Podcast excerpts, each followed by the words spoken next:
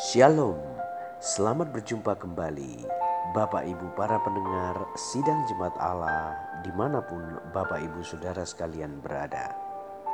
Saya percaya Bapak Ibu Saudara sekalian dalam kondisi yang sehat, diberkati oleh Tuhan, dipelihara dalam segala kebaikan dan kemurahan Tuhan.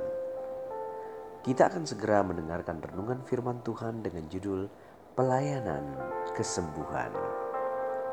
Teks kita terambil dalam Injil Matius pasal yang ke-15 ayat yang ke-29 sampai dengan ayat yang ke-31. Di situ dikatakan, setelah meninggalkan daerah itu, Yesus menyusuri pantai Danau Galilea dan naik ke atas bukit lalu duduk di situ. Kemudian orang banyak berbondong-bondong datang kepadanya membawa orang lumpuh, orang timpang, orang buta, orang bisu, dan banyak lagi yang lain. Lalu meletakkan mereka pada kaki Yesus, dan Ia menyembuhkan mereka semuanya. Maka takjublah orang banyak itu melihat orang bisu berkata-kata, orang timpang sembuh, orang lumpuh berjalan, orang buta melihat dan mereka memuliakan Allah Israel. Bapak, ibu, para pendengar, saudara yang dikasihi oleh Tuhan Yesus Kristus, kita telah mendengar sepenggal kisah tentang bagaimana Kristus telah menyembuhkan banyak orang. Dan kita melihat juga bahwa siapa pun yang dibawa kepada Kristus dalam kondisi sakit, dan apa pun jenis penyakitnya, Tuhan Yesus disebutkan di situ menyembuhkan mereka semua. Kita rindu pelayanan kesembuhan ini boleh terjadi di dalam pelayanan setiap kita yang percaya kepada Tuhan Yesus Kristus. Saya sebagai hamba Tuhan rindu Apabila Bapak Ibu berdoa, meletakkan tangan di atas orang sakit dan percaya bahwa hanya Yesus yang sanggup menyembuhkannya, maka kita akan melihat karya Tuhan bekerja atas hidup mereka. Nah, mungkin kita bertanya, apa sih sebenarnya tujuan dari pelayanan kesembuhan ini?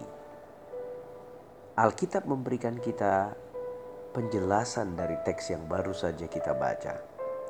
Yang pertama, pelayanan kesembuhan ini bertujuan untuk membawa orang-orang kepada Tuhan Yesus Kristus. Jadi, pada waktu itu banyak orang berbondong-bondong, dan akhirnya mereka disembuhkan semuanya.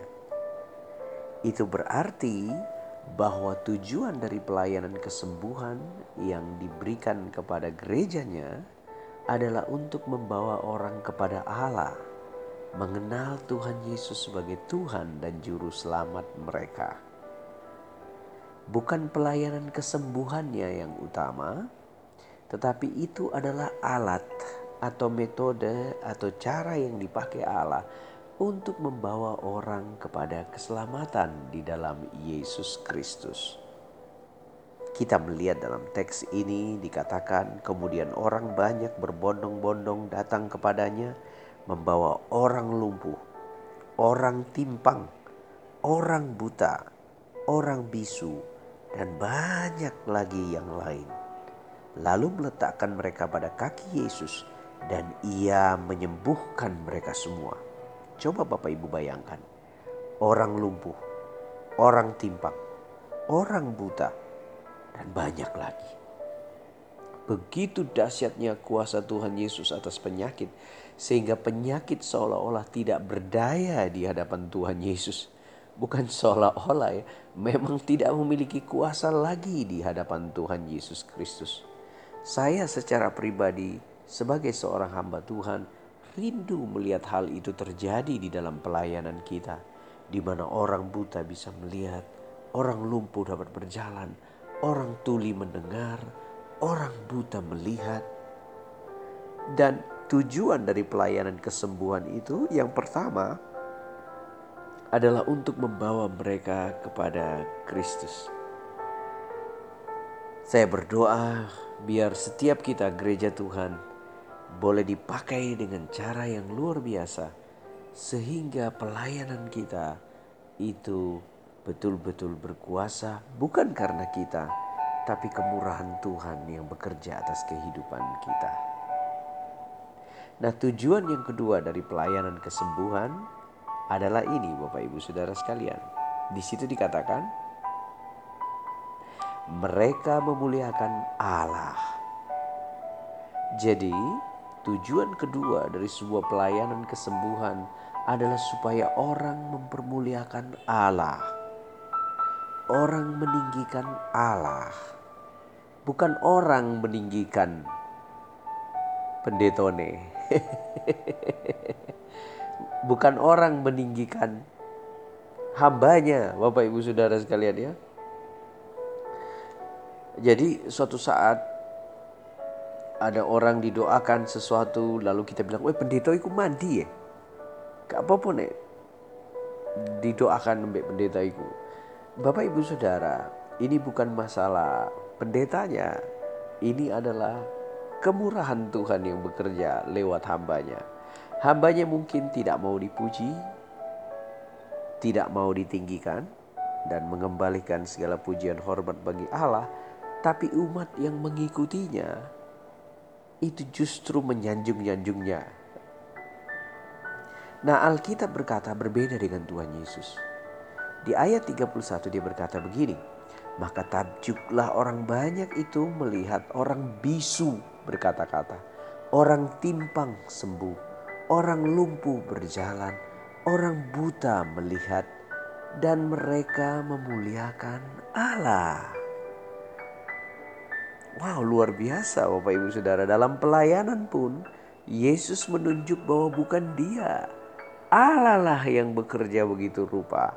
Allah lah yang begitu dahsyat menjadi nyata dalam kehidupan orang-orang itu sehingga yang bisu bicara, yang uh, timpang berjalan dengan sempurna, yang tuli mendengar, yang buta melihat.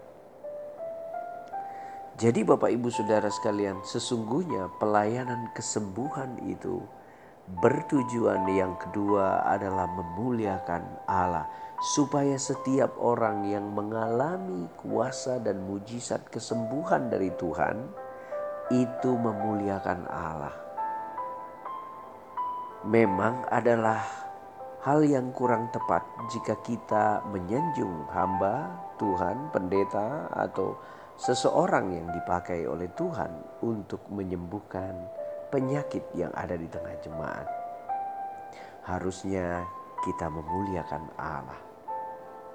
Nah, Bapak Ibu Saudara sekalian, itu sebabnya baiklah Bapak Ibu sadar bahwa setiap orang dapat dipakai oleh Tuhan, termasuk Bapak Ibu Saudara sekalian, para pendengar di mana pun kita berada, dapat dipakai oleh Tuhan Yesus Kristus menjadi alat kemuliaannya. Aku wedi, Pak. Aku wedi orang sembuh. jangan khawatir, jangan takut. Bukan kita yang menyembuhkannya. Allah lah sang penyembuh. Oleh sebab itu, saat kita berdoa bagi orang sakit, siapa pun itu, kita serahkan mereka kepada Tuhan dan mohon Tuhan menyembuhkan mereka. Alkitab berkata bahwa kesembuhan yang terjadi itu memiliki dua tujuan. Yang pertama, membawa orang kepada Kristus. Yang kedua, agar mereka memuliakan Allah di dalam seluruh kehidupan mereka.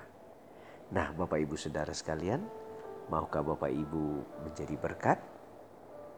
Hari ini, kapan pun Bapak Ibu siap dipakai, Bapak Ibu melihat seseorang yang sedang sakit, yang sedang dalam kelemahan tubuh, yang sedang dalam gangguan kesehatan, janganlah ragu, janganlah bimbang tumpangkanlah tangan di atas mereka, berdoalah di atas mereka. Toh kesembuhan adalah pekerjaan Allah. Mohonlah atas mereka, Tuhan menjama, memulihkan, dan menyembuhkan mereka. Bapak, ibu, saudara sekalian, biarlah kita menjadi pelayan kesembuhan yang baik. Nama Tuhan dipuji dan ditinggikan. Shalom.